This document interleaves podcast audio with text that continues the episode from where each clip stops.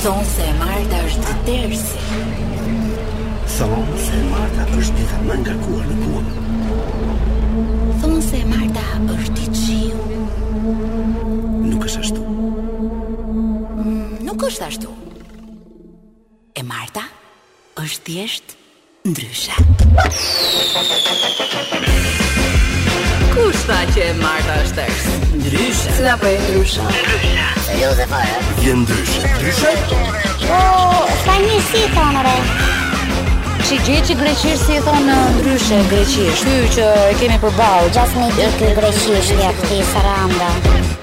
Gati! E hire kam, e hire kam Përshëndetje, përshëndetje të gjithë dhe kudo që po na ndiqni këtë moment e jemi drejtpërdrejt në Top Albania Radio. Jemi live, live këtu në Ndryshe. Super live. Me mua Adin, DJ Vinin, Alisin. Vini, përshëndetje. Angelën dhe të gjithë stafin. Edhe Xham, përshëndetje Xhamin, dhe Xham. Xhami, Xhami i cili është pastruar. Tavolinën. Po, zhurja e ka pastruar shumë xhamin duket Vinin në mënyrë të përsosur.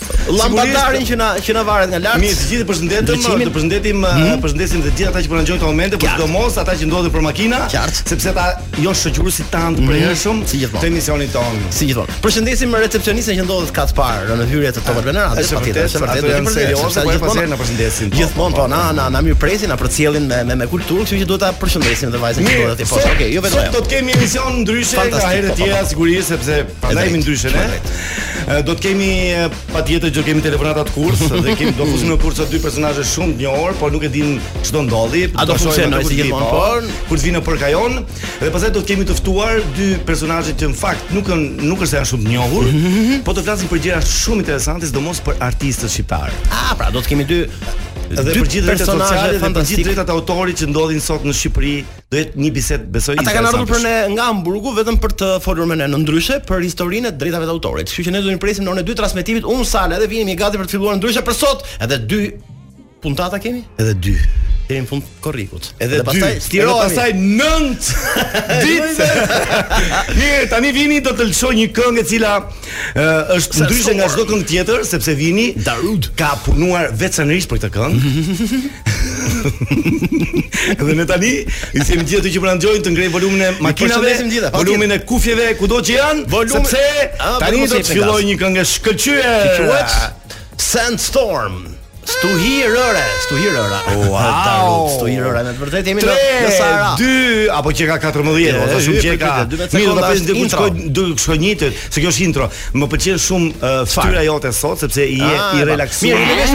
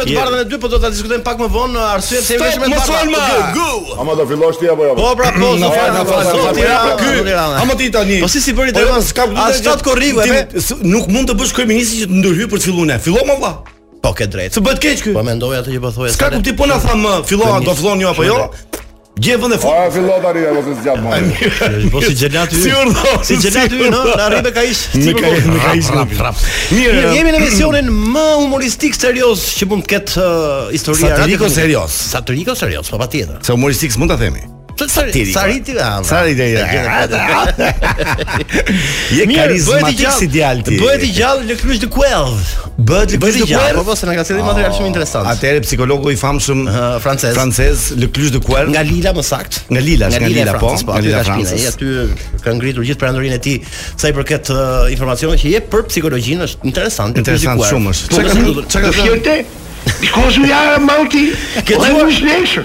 Ai ai bën një parashtrim, ku flet për parafilitë dhe filitë. Është një deviacion. Ç'a janë që ta dinë ata që në që na dëgjojnë? Ç'a ç'a është parafilia? Janë deviacione të kënaqësive seksuale. Deviacione të kënaqësive. Do të thotë, për shembull ata që nuk e dinë, është ideja që për ata që duan të bëjnë seks ose marrëdhënie seksuale me me me objekte me gjëra të çuditshme deviacione. Me shumë gjëra, deviacione.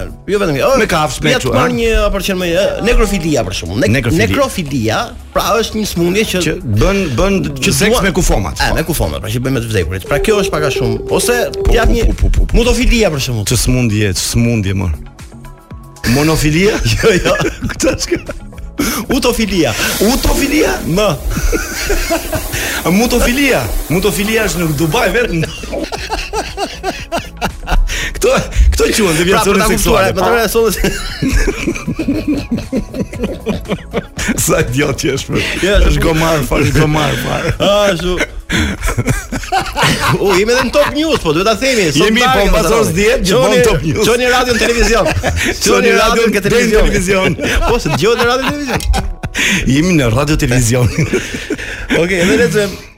Ai e nis sot me një deviacion që vetëm ai ka arritur ashensorofilia. Ashensorofilia. Ai do të bëjë seks në ashensor? Janë të smurë, ato mhm. njerëz që kanë uh, një smundje dhe fiksim për të bërë dashuri në ashensor.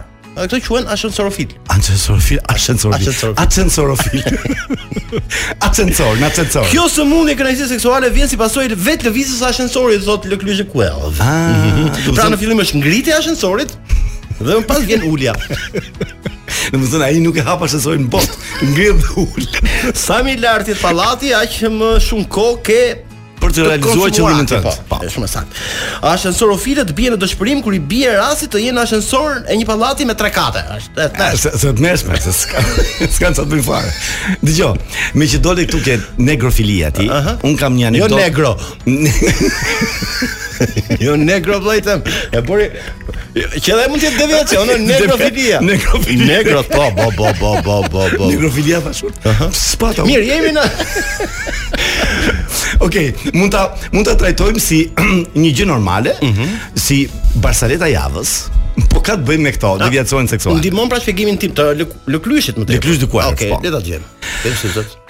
Atë dy uh, çuna, mm -hmm. mbasi bënë një udhëtim me kroçere në oqean, mm -hmm. mbytet kroçera. Jo. Dhe shpëtojnë vetëm këta të dy. Titaniku. këta të dy dhe një femër. Këta nuk e njifnin këtë femër fare, po? Të tre në ishull. A qe fati? Kaluan, kaluan ca ditë, kaloi një javë, kaluan dy javë, edhe këta filluan, kishin ato, Donin seks? Ah, erdhi momenti pastaj që thotë mendonin për trupin e tyre. Shumë bukur. Si ta bëjmë? Si Atë me pëlqimin e vetë vajzës, e vendosës, e vendosën që një natë do flinte me njërin nga djemtë, me mua, natën tjetër me mua. Na, ah, okay. Një natë me ty, një natë me mua. Po e themi atë. Atë vajzën po e themi. Po ishull, ta po. Edhe kështu ishin shumë të lumtur, natën ishin. Po po. Me rërë, me palma. Po po, me palma, me gjithë kështu, ka burime, me peshk, kapin peshk. Jetonin, jetonin të tre të lumtur, një natë flin, flinte me njërin, një natë flinte me tjetrin. Okej. Dhe një ditë të bukur e pickon gjarpri këtë vajzën. Jo, prap doli gjarpri vëlla. Nepërka. Nepërka. Edhe vdes. Njëri. Vdes, vajza. Jo. Vdes vajza pra. Aha. Kaluan 2-3 ditë, ata ishin duke pa njëri-tjetrin në sy. Menduan për ta groposur. Jo. Jo. Menduan po, po shihnin njëri-tjetrin në sy se donin seks. Po po po, e kuptova. Po, po. Edhe ja po si ta bëjmë. Siç e kishim, tha, një herë, një herë, një herë tjetër. Nëse e gjetën Vino. Prit, prit, s'ka mbaruar. S'ka mbaruar. Ule gjetin. Edhe vazhdoi jeta e lumtur prap. Një herë, një herë, një herë tjetri. Po. Mbas një jave u mërzitën këta. E thanë, "Gjo. E di ç'ke? E varrosim më mirë." Gjeni, you know. Gjeni, gjeni, gjeni, ta ish gjeni. Gjeni duhet çaj tani, jo duhet. Gjelofil. Deviacion seksual, më vjen keq. Gjelofil. Pra atë foli Bas Lëklyshi. Jo, jo, në, kjo quhet uh, humor i zi, po, ke drejt. Mirë, jo, e ndihmoj pak a shumë uh, gjithë ato që ke shpjeguar. Mirë, kemi reklama ose më saktë janë lekët. Atë duhet të kujtojmë se pas diskutojmë. Pasi të kemi reklamat, mm -hmm. edhe një këngë shumë të bukur që ka do vendosi DJ Vini. Le të do të hyjë në përkajon avash avash me një këmbë çal, si gjithmonë. Do sjelli letrat nga populli mm -hmm. dhe do bëjmë telefonatat kurth dhe në orën 19:00 do të kemi të ftuar. Ëh. Mm dy përfaqësuesit e Acromaxit në Shqipëri, jo dhe jo vetëm, ëh. Mm. Kështu që do jetë shumë interesant se ka biseda për drejtën e autorit, për YouTube-in. Pra gjithë artistët nëse do të kenë fatin për ta dëgjuar, po. të rrin në në dëgjim të emisionit në orën 2 transmetimit, se ka gjëra interesante për të ndarë në këtë pikë që me të vërtetë ka ardhur një pikë e nxehtë sa i përket artistëve sa për të. Ah, më e E po që ka entuziazëm ky sot, çka ka sot? Ka dalë rroga vllai. Ka dalë rroga? Po, jo më jo. benzina, ke të fala nga nga Tufina. Only way is up. Ah, sa bukur që ti e di sa mirë me anglishten ti? Më pëlqen shumë. Ti po shkosh në Turqi ti bën namin atje. Po ja, atje un rri me spanjoll. Tani është momenti që në studion ton do të hyj vet ajo. Ajo. me atë vazo të bukur në dorë dhe ah, bukur siç është vetë. Letra nga populli. Sigurisht e shoqëruar me muzikën që i përket fiks momentit të saj sot. Të çfarë muzikë është? Ja ta dëgjosh. Hajde ta. Vjen në studio. Oh.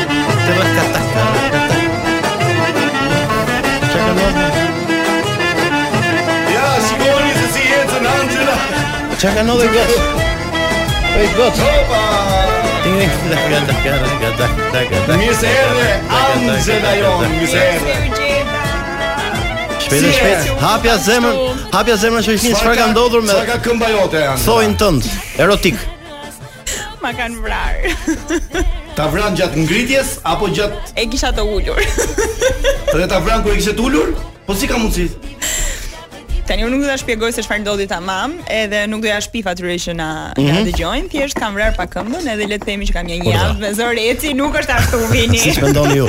nuk e ke vrarë në situata të jo, tilla. Jo, jo, nuk e kam. Nuk e shoqëruar me një thonjofil. thonjofil. S'ka shanse. Jo.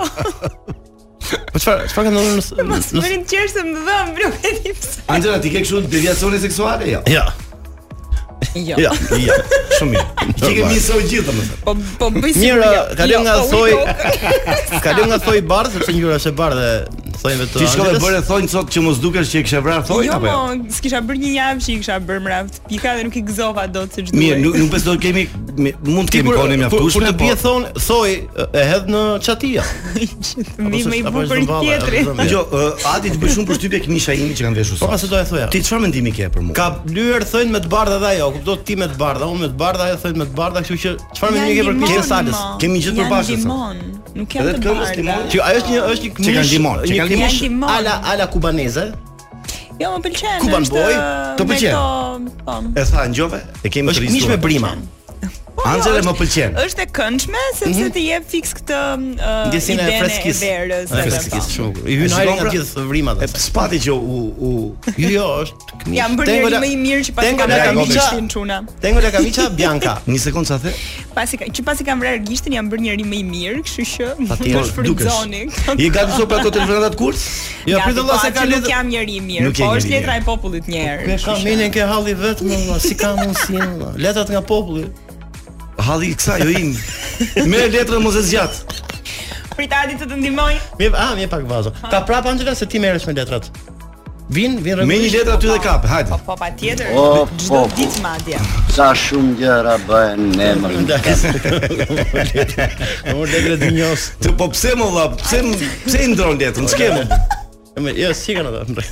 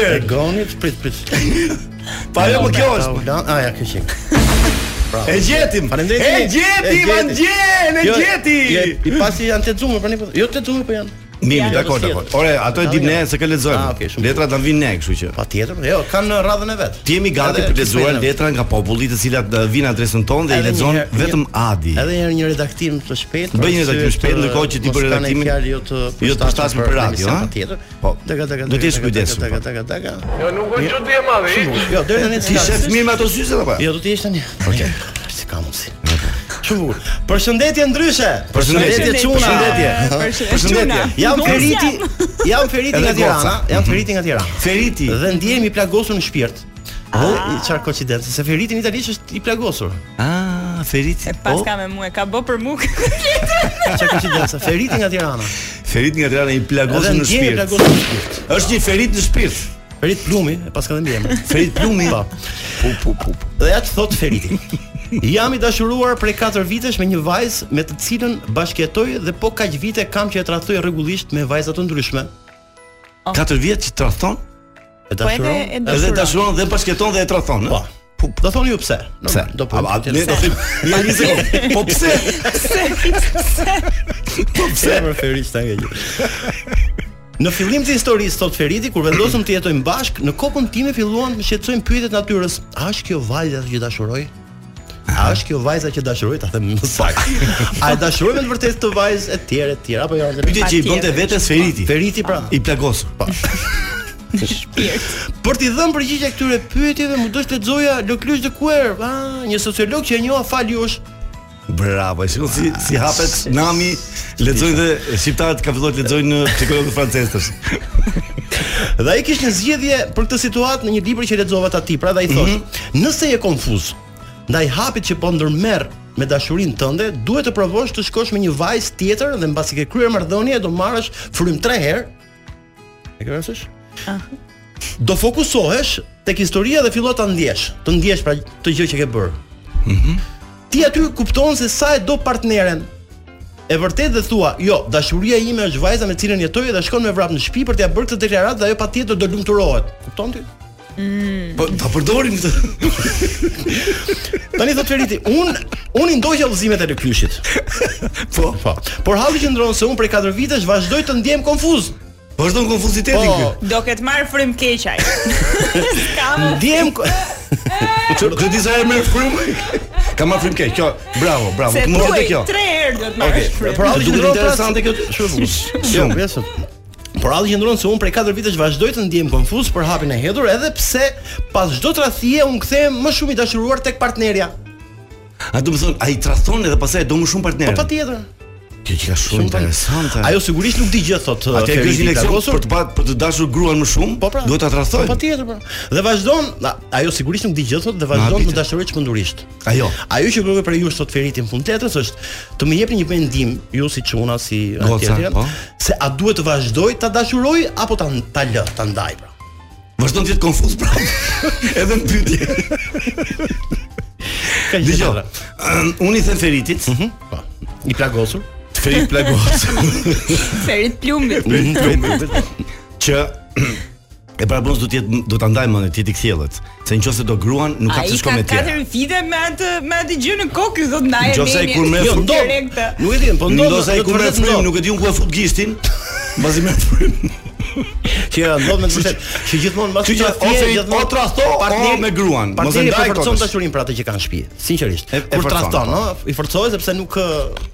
Atëre, atëre, atëre Anxhela merr tre herë frym. Merr tre herë.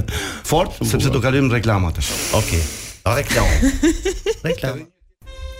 Erdhi momenti i shumë pritur ku Anxhela mm -hmm jon do të sepse se nga mezi e lart mund të lëviz. Nga mezi lart lëviz. Është bukur sepse dhe e ftuara jon. Njëra nga të ftuar A unë me Anxhelën? Jo, jo, jo. Me që ka thyer thojn, burrë grua më se thua. Burrë grua më se thua. Se kjo Anxhela, do thotë, do di ç'është. Mirë, kemi ardhur në momentin uh, deciziv të orës së parë, të fundit të orës së parë, sepse është Anxhela që merr tani telefonata telefonatën kurth. Po, jemi gati? Jemi gati. Se janë disa ndërkohë që tre tentativa Vini na na mundson lidhjen me atë kurthin me satelit madje, me satelit lidhja. Me satelit. E të vjen keq. Të shohim se sa do të futet në kurth personazhi i radhës.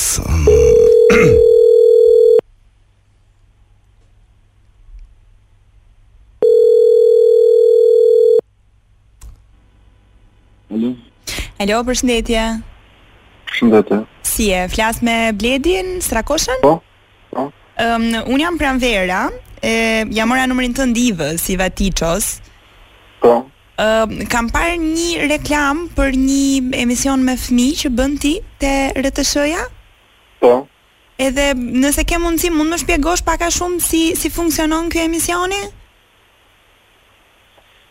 Po, do të thënë ideja është që marrin pjesë disa fëmijë ku krahasohen gjërat e brezit tim me fëmijët e sotëm, do të thënë i njofin apo jo disa objekte ah, okay. të viteve të shkuara ose. E kuptoj. Se ngaqë un kam uh, tre fëmijë vetë dhe prandaj u interesova që i mora edhe numrin Ivës. Kam trenjakë Të rrojnë. Faleminderit shumë. Ë edhe do kisha shumë qejf në fakt që të bëheshin pjesë e emisionit. Sa vjeç janë? Ë po janë 8 vjeç. Ah, okay. Gati yeah. gati 9, domethënë për pak bëjnë 9 vjeç. Tani problemi është që neve nesër kemi regjistrimin e fundit, sepse këto ah. që janë regjistruar në avans, domethënë dhe tani thjesht po transmetohen. E kuptoj. Po i sjell un dhe nesër qoftë për vetëm një po. herë Se ata qef jo, kanë. Nesër janë dy emisione për fat, do të thotë. Po mirë, më mirë akoma. Dy emisione, dy regjistrime më thje. Kështu që po të doni neve nesër xhirojmë në orën 3 te kopshti zoologjik. Ah, perfekt. Po vetëm kam kam një merak që uh, Bruno me Davidin janë janë më të urtë. Po ë Denisin e kam çik mistrec me thën drejtën dhe nuk e di a S'ka gjë se e mbledh unë. Mos mos duhet rri un se ngaqë dhe në dhe në shkollë ai shpesh herë më kanë lajmëruar mësueset që më rre kalamajt e tjerë dhe mos shqetësohen prindrit se e ka çik dorë. Ça të bëjmë tani? I i rre shumë vetëm vetëm dy vëllezërit e vet nuk rre, domethënë ça janë fëmijë të tjerë i rre gjithmonë.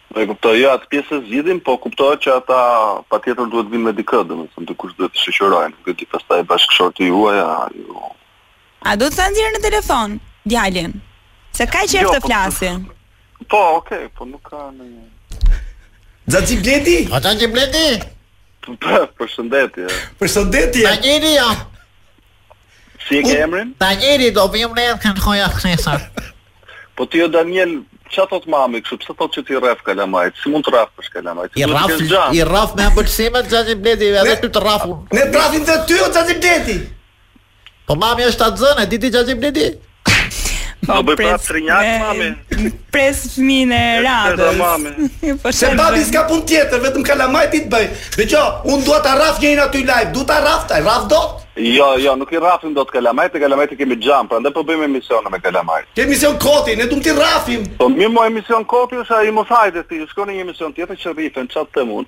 Po pse, Xhaxhi Bledi e ka hapur kopshtin zoologjik? Tani këtë hundën pse e zini njëherë kush kush është atë vetë? Je live në Top Albania Radio, unë jam Salsano, ky është Adi. Dhe unë nuk jam Pranvera, po jam Angela. Merre me radhë,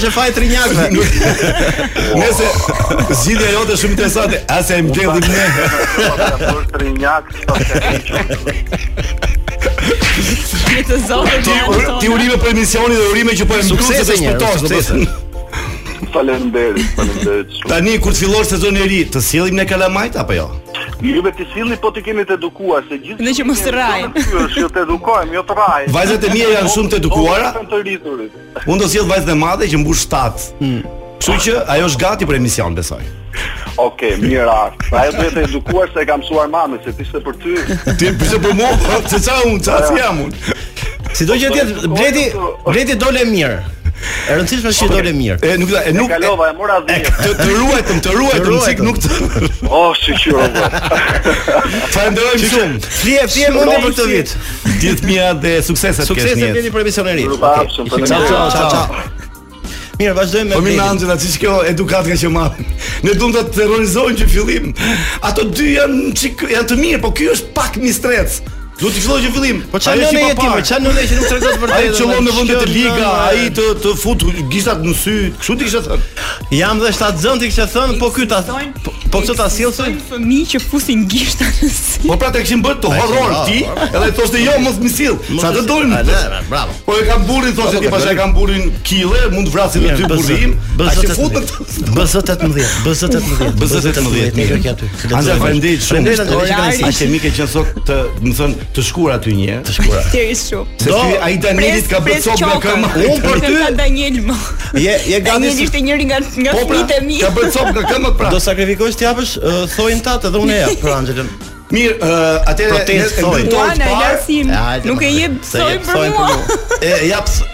Unë jam patjetër, mirë, mos reago sepse në orën 19:00. Kjo ishte ora parë, e ndryshe për sot ne do të dëgjojmë pas pak me dy të ftuar special, të ardhur këtu për të folur për të drejtat e autorit. Po unë atë po thosha, pse po më merr nga goja? Ndjesë, po kam Anxhelën këtu. Po ke Anxhelën çaj, sepse çaj më thua më pasaj. Mos do merrni dhomën e dy. Do merrni dhomën e dy. Patjetër. Dhomë teke. Faleminderit të gjithëve ju që na ndiqni në këto momente. Kemi mm -hmm. mbritur në pjesën e dytë të programit, në orën e dytë dhe në studion tonë janë ulur dy administratorët e Acromaxit, kompanisë e cila qysh, qysh, Aldor, Nini, jo t'i themi emrat, jo t'i themi emrat. Aldor Nini dhe Angela Faber. Po. Mirë se u gjetëm. Qysh, e keni gjetur gjet? Faktikisht, faktikisht ne në Hamburg themi moin. Moin. Moin, po, edhe për mëngjes, edhe për drekë, edhe për darkë. Moin është përshëndetje kështu si përshëndetje si ciao. Si, ciao. Po vetëm Hamburg. Moin, siç kemi. Moin, moin. Po çka si shqip moj? Mirë se erdhët për sa. Në fakt jo vetëm unë unë kam qenë gjithmonë kurioz, po gjithë ata që sot janë pjesë e e teknologjisë, domethënë pjesë e këtij zhvillimi të madh që ka marrë gjithë bota me YouTube-in, me me të drejtat, me rrjete sociale. Rrjete sociale. Tani mund të më thoni me pak fjalë, do filloj me ty Aldo. Ha, të them Aldo më mirë. Aldo. Okej, okay, Aldo. Çfarë është Acromax, kjo kompania jo juaj? Atëherë Acromax është një kompani e cila mbledh të gjitha të drejtat nga prodhuesit që mund të jenë artistë, këngëtarë, televizione, çdo lloj Të drejtat, të drejtat artistike. Artistike. Po, mm -hmm. po mund të jenë edhe uh, lajme, mund të jenë programe televizive informative. Edhe programe televizive. Çdo lloj gjëje që mbrohet nga të drejtat e autorit, po. Aha. Dhe me pak fjalë i mbron ato të drejtat në mënyrë në, në gjithë botën në mënyrë që palët e treta mos t'i piratojnë, mos t'i keqpërdorin, Dhe njëkohësisht pjesa më e rëndësishme është që gjeneron të ardhura me ato të drejta. Domethënë ata gjenerojnë të ardhurat nëpërmjet kompanisë tuaj. Nëpërmjet kompanisë sonë, po. Sakt, në platforma të ndryshme. Anxhela ti mund ndërhysh sa e duash, po. Është YouTube, është Spotify, është Apple, janë gjitha platformat e mundshme në botë, në të cilat mund të gjenerosh të ardhura, por gjithmonë duke pasur parasysh në mënyrë ndërkombëtare. Tani, ne si shqiptar,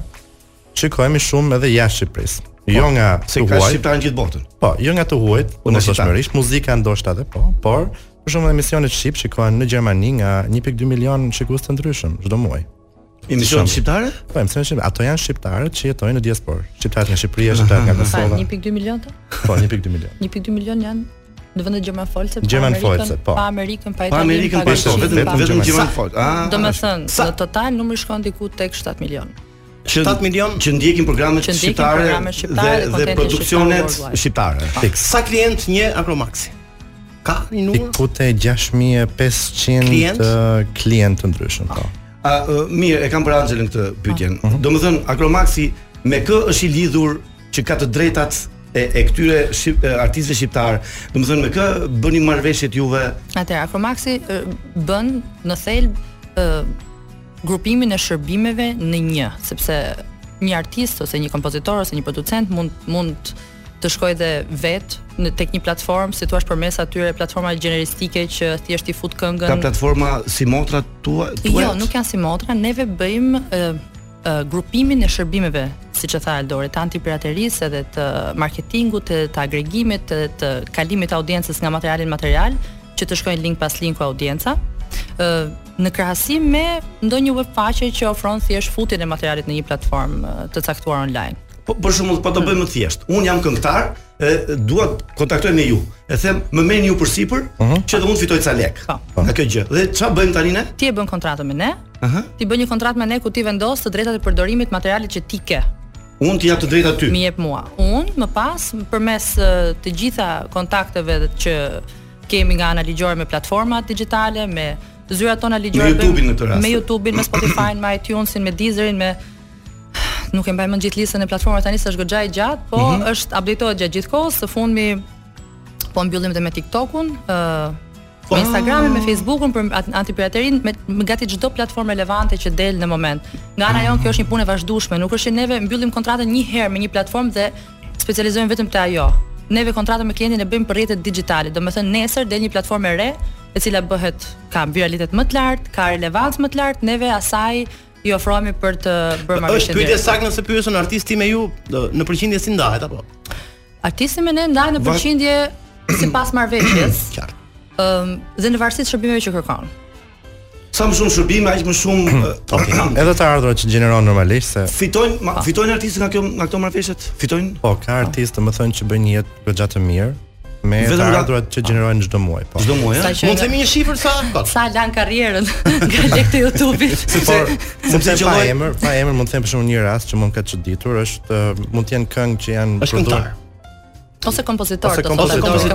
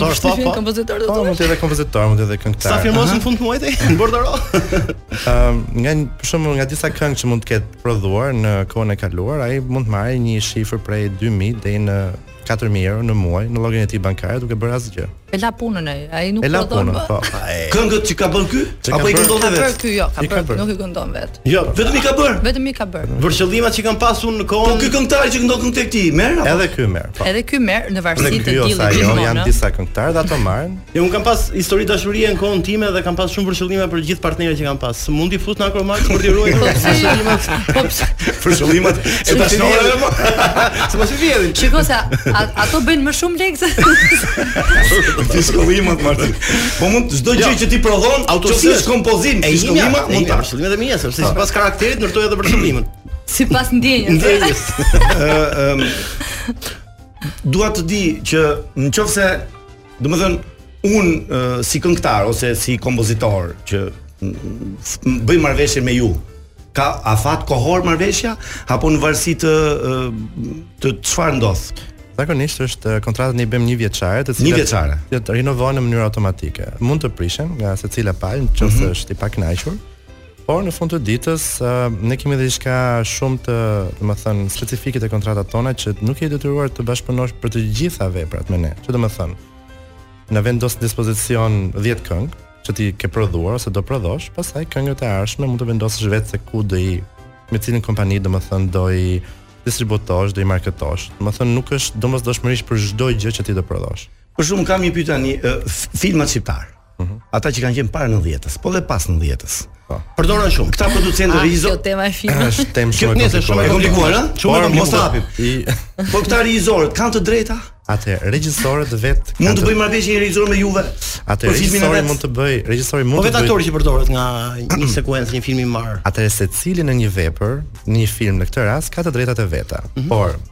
i ka të drejtat e veta për t'ia bllokuar një pale të tretë e cila e piraton atë ose e përdor në mënyrë të paligjshme. Domethënë, un jam një aktor në një film. Dhe shikoj që një faqe filma XX whatever mm -hmm. e përdor atë si material. Kam të drejtën që atë aktrimin tim ta bllokoj. Un jam regjisor i filmit, kam të drejtën ta bllokoj. Un jam ai personi që ka Dhe ti ju Acromax e bllokon këtë gjë? Ne bllokojmë. Nëse je regjistruar ke ju? Po, është regjistruar te ne, kemi madje po. disa regjisorë të filmave të vjetër, të cilët aktualisht me ne bashkëpunojnë për të bllokuar këto vepra që piratohen nga palët e treta. Vetëm i vetëm i bllokojnë. Vetëm i bllokojmë. Tani për të po. përfituar nga këto vepra është pak më e komplikuar situata sepse së pari, ëm um, qeveria ka vendosur që Qendra Kombëtare e Kinematografisë mm -hmm. është ai entitet i cili do i menaxhojë të drejtat e producentit. Domethënë, përderisa i ka prodhuar ajo. Po. Po. Jo, e ka vendosur, e ka vendosur ta menaxhojë, nuk e ka vendosur ta administrojë. Ta administrojë këtë gjë. Po. Ah, kështu, domethënë ata do të japin një herë lejen. RTSH-ja? Thotë i kam prodhuar unë. Mhm. Mm I kam filmuar unë. Po. Ah, kanë qenë kamerat produksioni ka qenë i RTSH-së. Madje ka dhe një situatë tjetër QKK-ja thotë, po, shiko, faktikisht ne administrojmë dhe të drejtat e producentit si RTSH-ja në këtë rast. RTSH-ja thotë, po mirë, do e shesësh ti filmin, ku do e gjesh?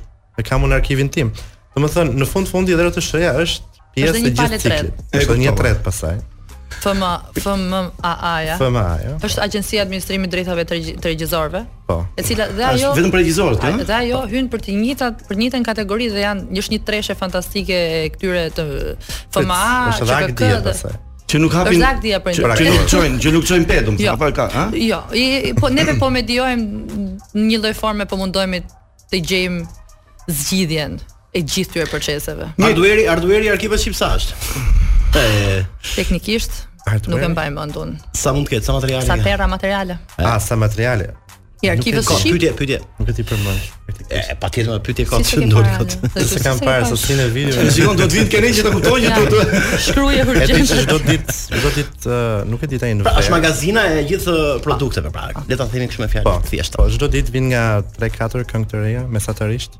Çdo ditë. Kjo është kur nuk është në sezon. Tani në verë janë 10 deri në 15. Po, janë dhe më shumë. Po. po. po.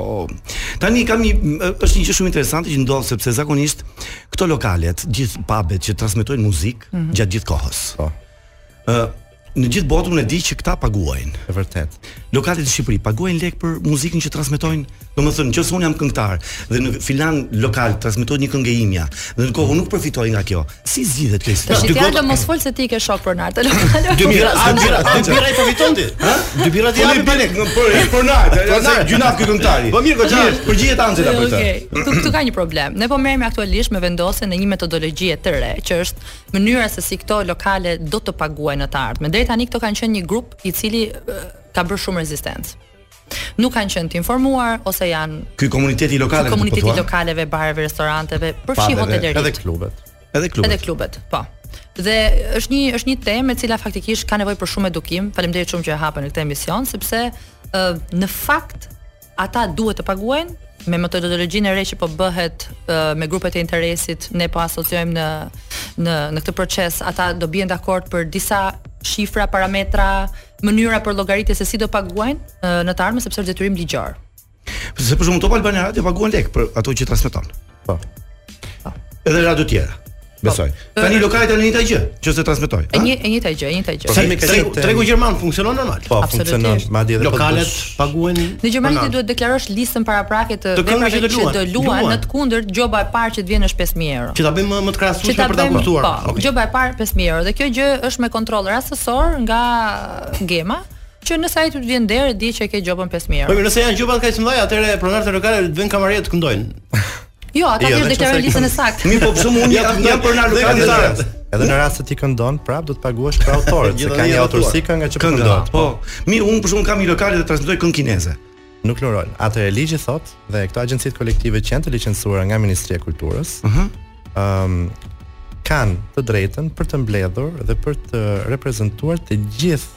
mbajtësit e të drejtave. Që do të thotë si ai i huaj, si ai që është anëtar, si ai që nuk është anëtar nga Shqipëria, për territorin e Shqipërisë.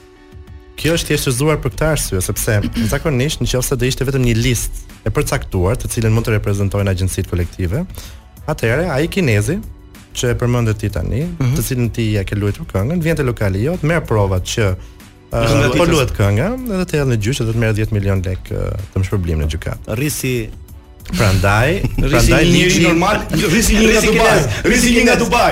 Prandaj ligji ka rrisi Ornela. Rrisi Ornela. Si kush Ornel? Ornela aktor, aktorja italiane. Francesco, me Ornelën, po. Prandaj ligji ka zgjidhur këtë gjë në këtë lloj forme që të ketë një tarifë dhe ti të jesh edhe i mbrojtur nga ligji në këtë mënyrë që mos të paguash dëmshpërblimin në qoftë se ke paguar këtë fee, Tani se sa do jetë kjo fee, a do llogaritet në bazë të metrave kuadrat, zonës, xhiros, whatever, kjo është diçka që ne po punojmë tani në moment që të gjejmë një Shteti çfarë bën në këtë rast? Ministria e Kulturës për shembull. Shteti ka për detyrë të të japi vetëm mjetet me të cilat ti ke mundësi të ndërtosh këtë sistem, sepse e drejta e autorit është një e drejtë private. Atëherë, shteti licencon agjencitë e administrimit kolektiv. Shteti, siç jemi ne një prej tyre. Shteti ka caktuar një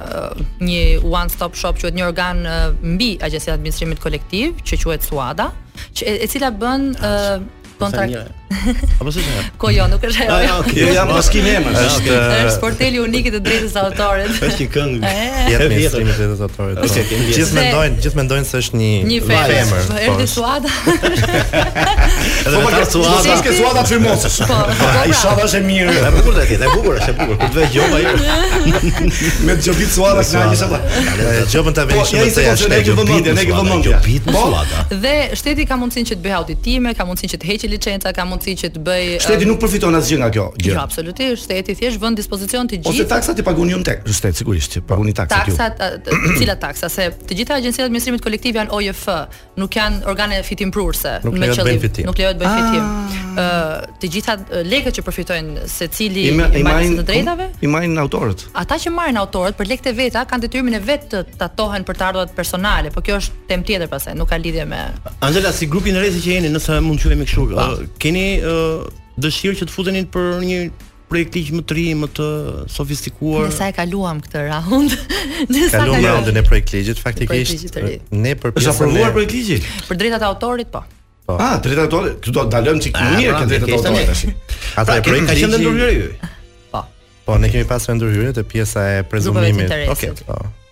se ne kemi dashur ça ça thotë projektligji i ri ça me pak fjalë është ça rregulluar janë implementuar disa nga disa direktiva të BE-s domethënë kjo është një nga hmm. pjesët që është përmirësuar janë rregulluar disa aspekte në lidhje me menaxhimin e suadës kësaj domethënë hmm. organizatës umbrella organization që quhet që mbledh të ardhurat është bërë më e thjeshtuar në qoftë se ka probleme në vendimmarrjen se si do mblidhen lekë, tarifat e të tjera.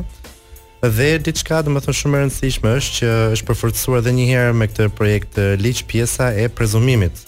Prezumimi domethënë që agjencitë kolektive mund të mbledhin për çdokush mbajtës të drejtave në gjithë botën. Është rritur dhe monitorimi për Agjencinë e Administrimit Kolektiv edhe për për suadën. Monitorimi kush e bën monitorimin? Monitorimin e bën Ministria e Kulturës. Ministria e Kulturës. Po. Ë dhe është vendosur një baraz fuqi vote midis anëtarëve të bordit të suadës, që janë të gjitha Agjencitë e Administrimit Kolektiv.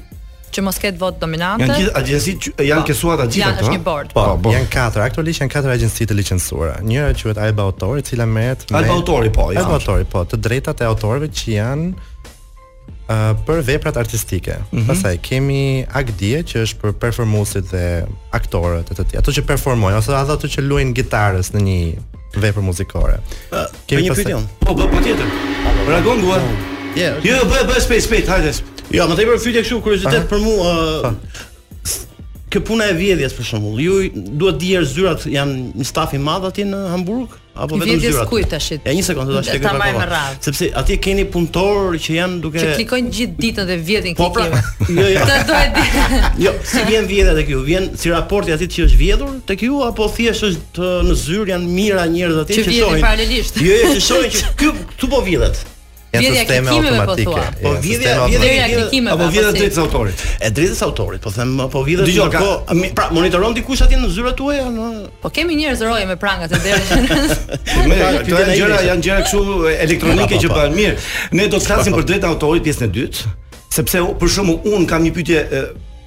Po e bëj tani pyetjen, por përgjigjen mund ta marrim pastaj.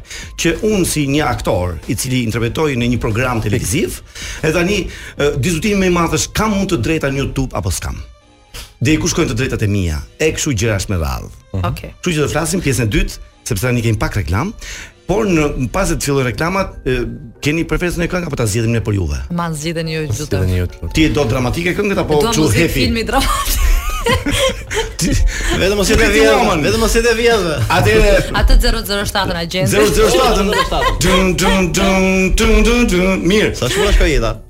007 Pretty Woman.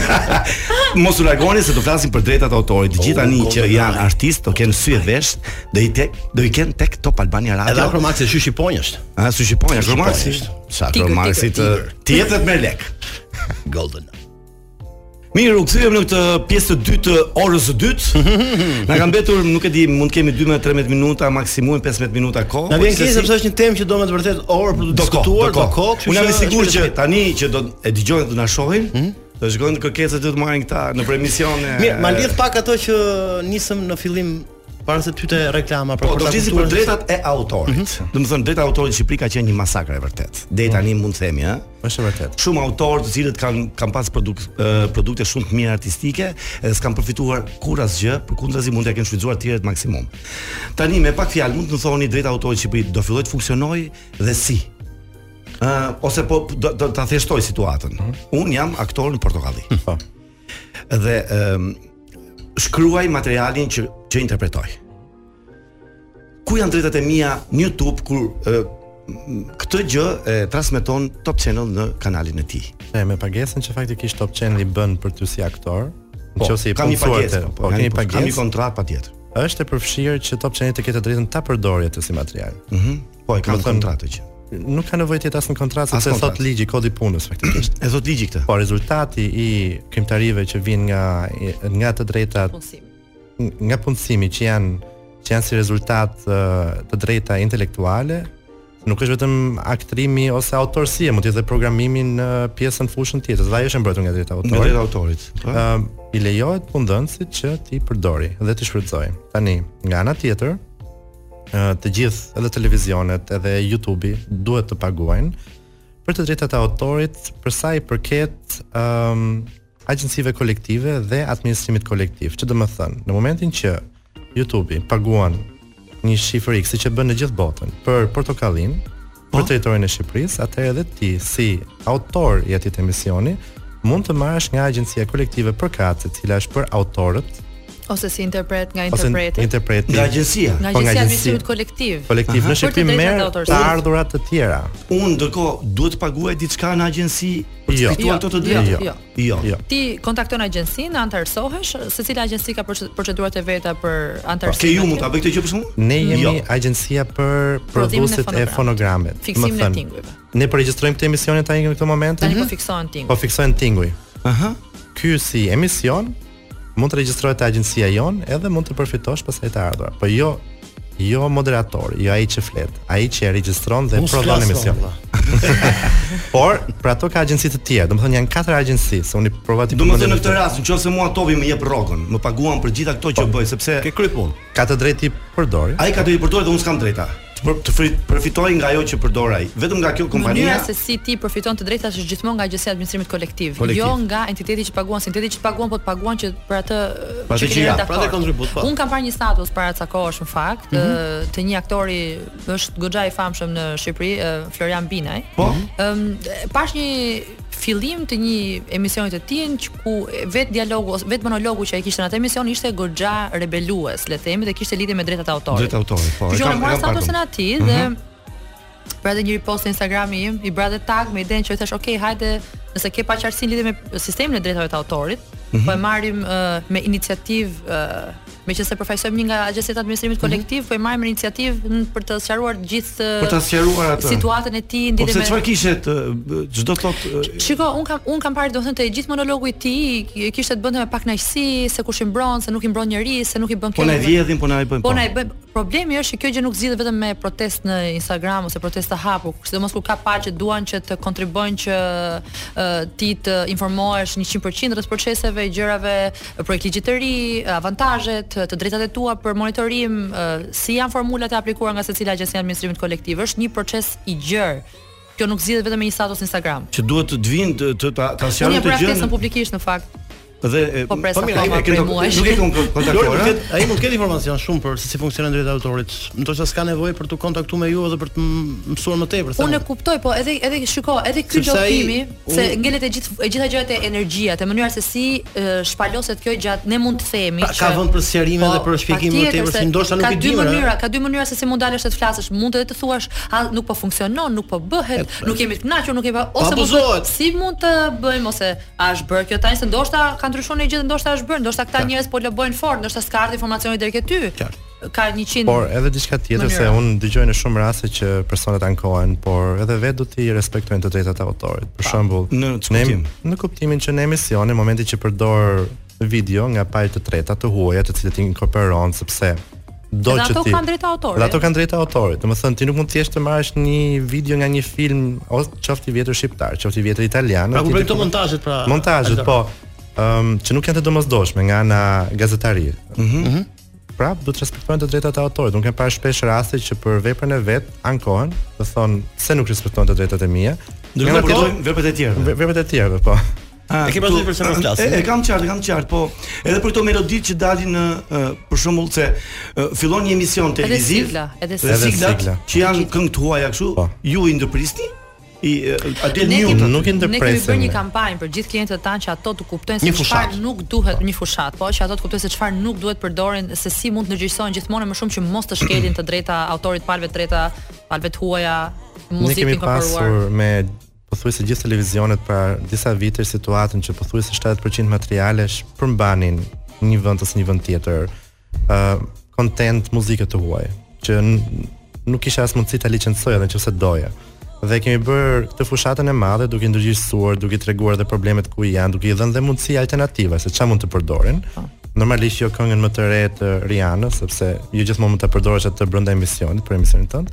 Ëm um, dhe tani jemi diku te 5 dhe 6% të kontentit i cili përmban në këtë rast muzikë të jo licencuar. Pra shumë që 5% që 5%. Ka vakt që 5-6% që mund ta përdorësh. Jo 5-6% aktualisht dhe ne po mundohemi prapë ta çojmë në zero, por është pa licencuar 5-6%. Por mund të themi edhe diçka se tingëllon 5-6% në krahasim edhe me Gjermaninë dhe shtetet e tjera, ku vërtet çdo gjë supozohet që është e rregulluar dhe është e licencuar prapë edhe atyre i ndodhin diku deri në 10% problemi që diçka nuk është 100% e e licencuar. Kapëm një rast neve një film uh, amerikan, në një moment të caktuar kishim përdorur një këngë që kapëm rastësisht fare. Po. Këngë shqiptare? Këngë shqiptare po. dhe nuk e kishin licencuar, nuk dinte asgjë asnjë.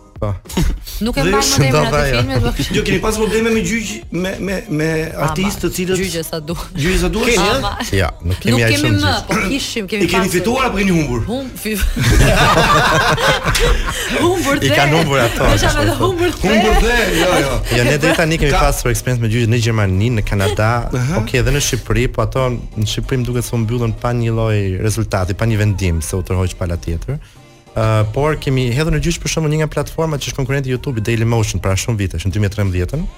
Edhe mm -hmm. kemi fituar sepse ato thjesht nuk deshin të të bllokonin materialet që shkelnin drejtat e autorëve. Shiko, kjo pjek, më fal, kjo pjesa po, me artistët uh, ka një problem shumë të madh që artistët shpesh shpesh herë uh, ose frustrohen ose marrin konsulencë gabuar, këshillime të gabuara dhe uh, e gjithë uh, ai vrulli i, i nervit të momentit bie mbas uh, le të themi një muaj uh, ose kur ti kërkon një sqarim të dytë. Po, nëse çështja ka shkuar në gjykat, nuk ka kuptim më sqarimi i dytë. Kështu që është kosto Domethënë, duhet, duhet të, të, të, të mendohen para se të shkojnë po, gjykatë është ideja. Po, patjetër. Në, në artistët shqiptarë, uh, fitojnë në kuptimin uh, të të shohin një milion shqiptarë dhe një milion gjermanë. Ka ndryshim? Patjetër. Po, ndryshim, për shembull, në Youtube. Në një milion, një milion klikime nga Shqipëria, marrim si shembull. Po. Mund të gjenerosh diku te 30 deri në 40 dollarë.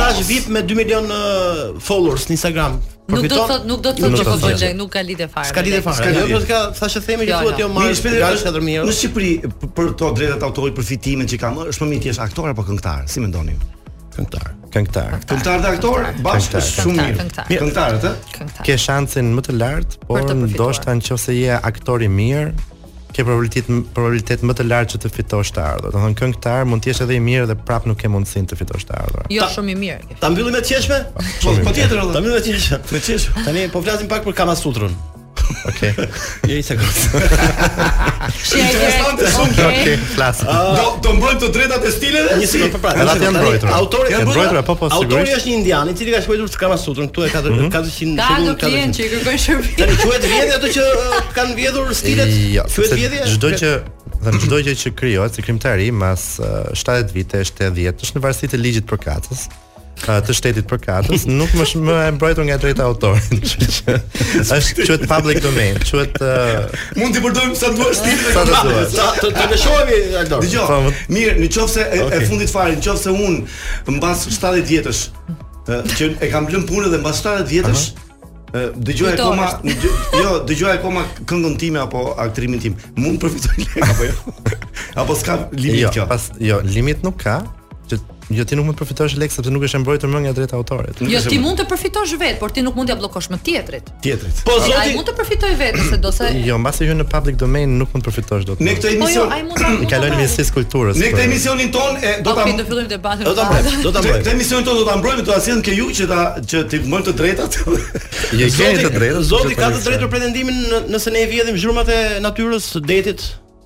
Ai që i regjistron ato me mikrofonin e vet ka të drejta mbi atë regjistrim, por dhe i ah, tjetër person mund të regjistrojë. Paska një kështu.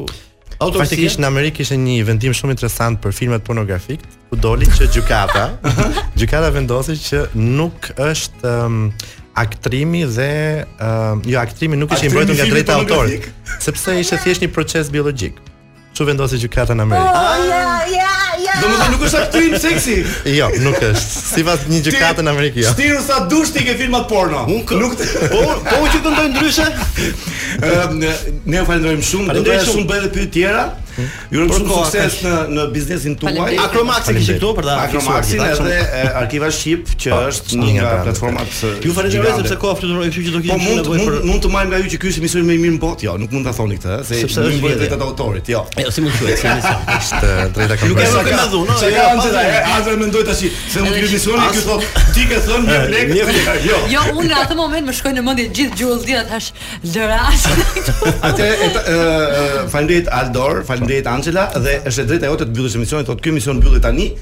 Edhe kaq. Ky emision mbyllet tani dhe jo kaq. Dhe ka jo prap. Ka prap. Ka prap. Faleminderit shumë. Ja.